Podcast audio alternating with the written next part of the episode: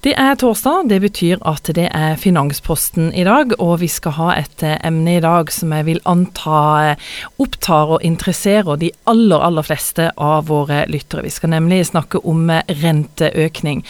Helge Hammersbøen fra DNB, nå er det sånn at Norges Bank beslutta heving av styringsrenta med 0,5% Aller først, skal vi si litt om forskjellen på styringsrente og den renta som styrer pengemarkedet? Ja, Det kan vi gjøre. Aller først skal jeg få lov til å korrigere deg. Den styringsrenta gikk opp med 0,25 prosentpoeng, opp til 1 prosentpoeng. Og Styringsrenta det er altså bankenes innskuddsrente i Norges Bank. Mens det vi definerer som pengemarkedet, altså der hvor bankene kjøper inn, låner inn sine penger, det er pengemarkedet, gjerne uttrykt med tre måneders Nibor. Det var på et historisk lavnivå i november 2017 på 0,71 prosentpoeng. Men nå har det steget altså i løpet av de halvannet årene så har det steget opp til 1,38 Så det viser litt at pengemarkedet beveger seg. Styringsrente er et signal fra Norges Bank om at økonomien går bra. Og det er derfor man paradoksalt setter opp eh, renta også. Men dette med renteøkning, enhver renteøkning betyr noe for hver enkelt av oss? Ja, Det betyr noe definitivt. Og, skal, og, og si at Når man setter opp renta, så, så, er det et signal som jeg sa, at, at økonomien går bra. Det er fordi krona er svak, det er fordi arbeidsmarkedet er stramt, det er høyere innenlands etterspørsel, og fordi lønnsveksten er på vei opp, så har Norges Bank beslutta å sette opp det, til tross for at det er noe svakere internasjonale forhold. Men det betyr mye for oss. La oss ta et eksempel med et boliglån på 3 millioner kroner.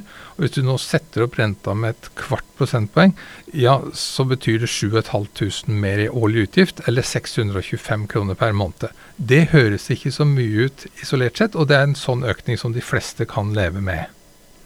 Men det er vel også sånn at når eh, renta nå økes, eh, så har man jo hørt at dette her vil også, eller at det vil også bli flere renteøkninger med tida? Ja, Det er riktig. Norges Bank signaliserer nå veldig kraftig at du vil få en ny renteøkning innen seks måneder, altså fram til høsten 2019, og deretter to renteøkninger av 0,25 prosentpoeng i 2020. Det betyr at i 2019 og 2020 så vil du få en økning på 1 prosentpoeng. og Fortsetter vi det med 3 millioner i et boliglån, så betyr det plutselig at du får en økt rentekostnad i løpet av de 2019 og 2020 på, på 30 000 kroner, eller 2500 kroner per måned. Da begynner det å bli litt mer for den enkelte husholdningen, med mindre man har planlagt en sånn renteøkning. Men eh, tror du at eh, alle på en måte har tatt høyde for dette med renteøkning? Kan det få store konsekvenser? Jeg tror mange har planlagt det. Altså de som er hardest rammet, ramme, kanskje de unge, kanskje de som er høyest eh, belånt. Men jeg vil jo si at de som i dag bruker lønna si fullt ut og ikke setter an noen sparepenger, ikke har en bufferkapital til uforutsette utgifter, de bør definitivt nå eh, gå gjennom sin egen økonomi, titte på forbruket, titte på lønnsinntektene for å se har jeg mulighet til å sette noe penger til side, og gjerne forberede renteøkningen sånn at det ikke svir så mye når den kommer. Vi vet alle at det å øke inntekten det er hyggelig, men det er ikke bare vi som styrer det, det er noen arbeidsgivere og andre. Men det å kutte forbruk, det er en smertelig tung prosess. Eh, men det er like godt å starte tidlig. Skal vi gå tilbake til 2008 f.eks. og se litt på forskjeller? Ja, det er store forskjeller. Jeg kan jo nevne, liksom, Mange lurer på liksom, kan, kan renta nå doble seg. Kan, kan, det skje noe? Og så må jeg faktisk gå tilbake og si at i perioden 2005 til 2008 så steg boliglånsrenta fra 3,75 og opp til 6,75 prosentpoeng. Så høsten 2008 så hadde vi en situasjon i Norge der vi betalte 6,75 prosentpoeng.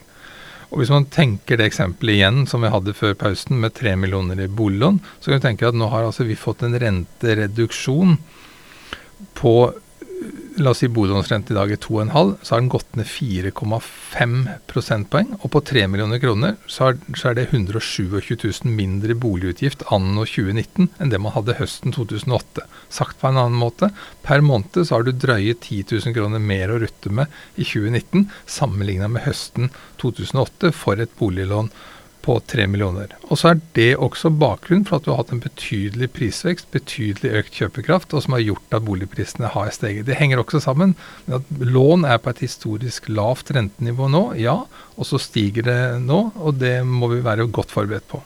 Men en sånn en stor dobling som du nå snakker om, det kan vi vel ikke forvente? Nei, vi tror ikke det. Vi tror holder fast på det at det kommer tre renteøkninger til, altså én i 2019 og to i 2020. Og så tror man at man har nådd en liten topp, og så vil makrobildet på økonomien være med på å se om det blir noe ytterligere renteoppgang, eller om det stabiliserer seg eller blir noe ned. Det kommer litt av, avhengig av konjunkturutvikling både nasjonalt og internasjonalt. Men nå som det kommer renteøkninger, så er det jo en del som trenger å håpe stabilitet. De trenger å vite hva de skal betale hver måned. Og Da kommer vi inn på dette med fastrente. Er det noe du anbefaler? Jeg pleier å si at du, du, må aldri gå inn i en fastrenteavtale for å tjene penger. Du skal inngå i, altså Fastrente er det samme som en forsikring mot høyere renteutgifter. Så renteforskjellen mellom en flytende rente og en fastrente, det er på mange måter den forsikringen som du tegner og betaler mot høyere renteutgifter en gang i framtida.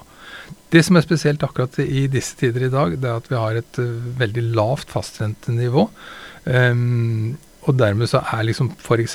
tre års fastrente nå koster 2,6 prosentpoeng, og en flytende rente koster 2,5 prosentpoeng. Altså det er veldig liten forskjell, så det har aldri vært på lenge så attraktivt å binde fastrente, i hvert fall for tre og fem år, som det er eh, nå i dag. Og går du på ti år, vel da må du opp til 3,4 prosentpoeng. Det er kanskje en større beslutning, men tre og fem års fastrente er nå et veldig spennende område å å vurdere å binde på, men som sagt, det må være hvis du er høyt belånt, ønsker forutsigbarhet, ikke har noe bufferkapital, så er det veldig gode alternativer.